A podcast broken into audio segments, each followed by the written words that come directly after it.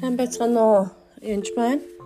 Тэгэхээр дөрөвчийн подкастаар би өөрийнхөө зөвхт байдлын тухай хэлсэн л дээ. Үнэхээр эзний өмнө одоо эзэнтэй үнэхээр эзний тэр гим нүгэлхүү эзний алдрын өмнө би гэдэг хамтан ямар ирээн цохор хачин халтар хувц өмссөн байсан гэдгийг харсан гэж. Тэгэхээр үнэхээр Ром 2-4 дээр эсвэл та Бурхны инрэл өөрийг чинь гимшүүлдэг гэдгийг мэдлгүй түүний инрэл хүлцэл ба төвчээрийн баяныг басамжлах уу гэж. Тэгэхээр эзний инрэл нэгүсэл бидний гимшүүлдэг байгаа. Аа тэгэхээр бидний ямар байдалд ямар амар тий өөхөх ялтай байсан гэдгийг харуулдаг ба. Заримдаа тэрнэрийг бид нар сайн ойлгодгүй л дээ. Тэгээ та бас магадгүй түрүүчийн подкастаар ингэж сонссон байж магадгүй. Оо янчмаа тэгэл дуртай юм хийж идэм ингэж бодоо заа. Тийм биш харин ч үгүй. Аа яад бол Ром 24 дээр яасан байна. Үнэхээр бидний эзэл э, э, Бурхны эзний инрэл бидний гимшүүлдэг ба. Тэгээд инрэл хүлцэл ба төвчээрийн баяныг басамжлах уу гэж. Харин та өөрийн хатуурал гимшдэггүй зүрхнээсээ болж өөр дээрээ Бурхны зөв зөв шүүлтийн уур хилэн ба илчлэлтийн өдрийн хилгэндийг хурааж байна гэж. Тэгэхээр бурхан эзэн нэгүслэр баян гэд тэгэхээр огшүүдэггүй гэж ойлгож болохгүй. Аа сайн багш шалгалт авдаг. Аа тэгэхэд яг зөв юм зүйлээ шалгадаг байгаа. Шүүгч ч гэсэн шүүдэг. Сайн зөв шүүгч бага бурхан бол. Тэгэхээр бурхны зөв шүүлтийн уур хилэн ба илчлэлтийн өдрийн хилэгдлийг хурааж байна гэж. Тэгэхээр зөв шүүлт чийдэг. Бурхан бас сайн аа байгаа. Тэгээ хүүхдээ одоо эрхлүүлдэг үг хайрладаг. Тэр хайр эрх хоёр ялгаатай байна одоо хайрын дотор өсөөд хитрхи эрхлүүлээд дуртай амин авч өгөөл тэгсээр байгаа одоо бухын хүзүүнээс хатуу гэдэг шиг тийм хатуу дуртай амин авдаг дуртай амин хийдэг тийм хүүхдүүд болохыг хүсдэггүй л дээ бурхан. Бурхан хайрын дотор өсөхдөө биднийг бас зөв хүмүүжлэлтэй зөвхт амьдраасаа сайн болоосоо гэж хүсдэг ба. Тэгэхээр бурхан сайн. Тэгээ биднийг сайн хүмүүжүүлдэг гэж ойлгож болно. Дээрэс нь дахиад илчлэлтийн өдөр дахиад бас хамгийн сүүлд бид нар дахин шүүгдгүү шүүгдэнэ. Тэгэхээр Ром 2:23 дээр бид нүгэл үйлцсэн тул Бурхны алдар сууд хүрдэггүй авч Христ Есүсийн золтоор дамжин Бурхны нэгүслэр үнгүй зөвтгөгдөжээ гэж хэлсэн байна. Тэгэхээр бид нар үнэхээр Бурхны алдар сууд хүрдэггүй. Өөрийнхөө ямар ч одоо хичнээн супер дүпер байгаад та магадгүй төгс амьдраад ганц ч гим нүгэл ч юм уу тушаалыг үлд одоо тийм хийг одоо бүгдийг хийж гүйцэтгсэн супер хүн бай гэж бодлоо да. Тэр нь яг үнэндээ баг боломжгүй зүйл те. Тэр бодлороо гимнүгэл хийхэд хүн нэг шүүхүүд хүртэл гимнүгэл болдог ба.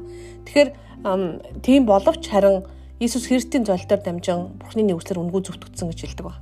Тэгэхээр Ром 5:10 дээр хэрэг бид дайсууд байхдаа хүүгийнх нь үхлээр Бурхантай эвлэрсэн юм бол эвлэрсэн бид тэр тусмаа түүний ямаар аврагдах болно гэж.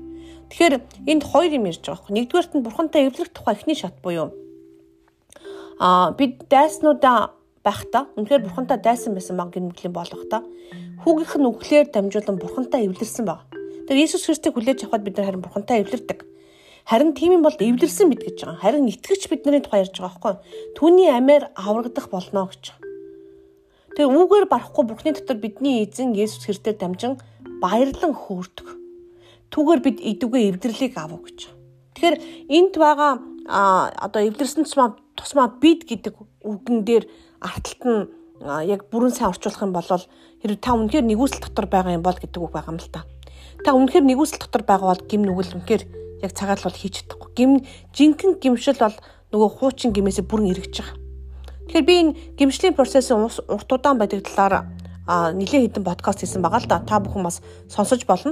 А юу вэ гэхээр зарим хүмүүс одоо архинаас гарах гад чадахгүй байх гэдэг юм уу те.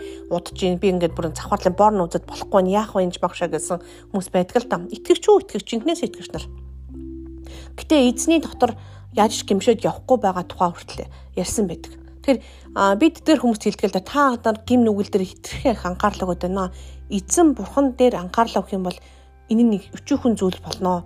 Тэгсэндээ махан бие дээр эцгийн ачаал өгöd өнө гэж хэлдэг л дээ.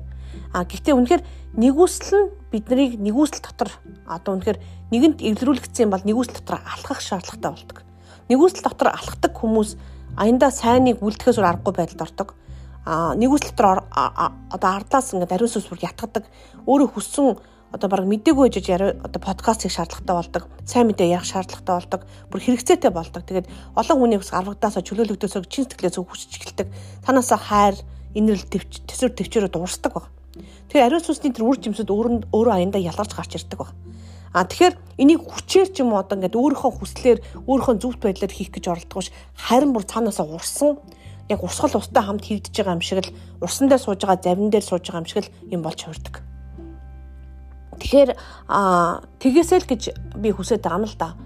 Тэгээд үнэхээр одоо таны хийж байгаа үйлдэл болгон чинь хийж байгаа зүйл болгон чинь бурхны алдаршуулах болтугай. Жишээлбэл та үнэхээр хүүхдээ гаргацсан хүүхдээ хүүлээд сууж байгаа бол та үнэхээр бурхны хүүхдийг бас тижээж байгаа гэдгээ бүх мартаараа. Хүүхдээ хүмүүжүүлж байхдаа та үнэхээр эзний өмнө бэлтгэгдсэн ард олныг бэлтгэж байна гэдгээ бүх мартаараа. Хийж байгаа зөвхөн сүмд үйлчлэхээр үйлчлэл гэж бити дутуу ойлгоорой. Үнэн дээр бас өргөл өргөтөө ч гэсэн одоо 11 л бурхных бусд нь минийх гэж боддог л доо. Уучлаарай 100% бурхныхаа. Би тарийн 11-ийг өргөж тэрийгэ шалгуулж харин тэргээрээ ядгүй лээ үр тарьж дараачийнхаа ургацыг авдаг байгаа. Тийм болохоор тэрийг сайн бол ам амьсгал нь бурхнаас бурхны нэгүслэр одоо амьдарч байгаа гэдгээ сайн мартаж болохгүй. Тэгэхээр миний хувьд бол дахин амьдрах боломжийг бурхан надад өгсөн л доо. Тийм болохоор үнэхээр надад надад ирж байгаа намсгал бурхан үнэхээр бурхнаас хамааралтай гэдгийг би чин сэтгэлээсээ ойлгодог. Миний эд эс болгон түүний нэгүсэл байгаа учраас би явж байгаа, алхаж байгаа гэдгийг мэдэрдэг. Тэгэд үнэхээр эзний хийсэн гахамшгуудыг тоочоод баршгүй. Тэгэхээр эзний нэгүслийг үнэхээр бүрэн мэдээсээ тэг тэр үед үнэхээр жинхэнэ гимшилт та хүрдэг, жинхэнэ гимших үед та гим нүглээсээ шууд л эргэдэг байгаа. Тэгэхээр эзний нэгүслийг сайн мэдэрээ өөрийнхөө хүчээр гимнээсээ ирэх гэж оролдох нь уналтанд хүрдэг тэрнээсээ болоод өөрийгөө их буруушаадаг байгаа шүү. Тийм учраас эзэнтэй хамт гимнүглээсээ гимшиж эзэнтэй хамт тэр бүхнийг хийгээсэй гэж чин сэтгэлээсээ хүсэж байна. Тэгээд одоо хийж байгаа бүх зүйл чинь эзнийг алдаршуулж байгаа гэдэгт бүү мартаарай. Эзэнтэй хамт гүйж болно, эзэнтэй хамт ажиллаж болно. Та мис саслын хийдэг бол эзэнтэй хамт хаалгаа хийгээрэй. Эзэнтэй хамт байшин бариараа. Эзэнтэй хамт шал угаагаараа. Үнэхээр эзэнтэй хамт хүүхдээ унтуулаарай.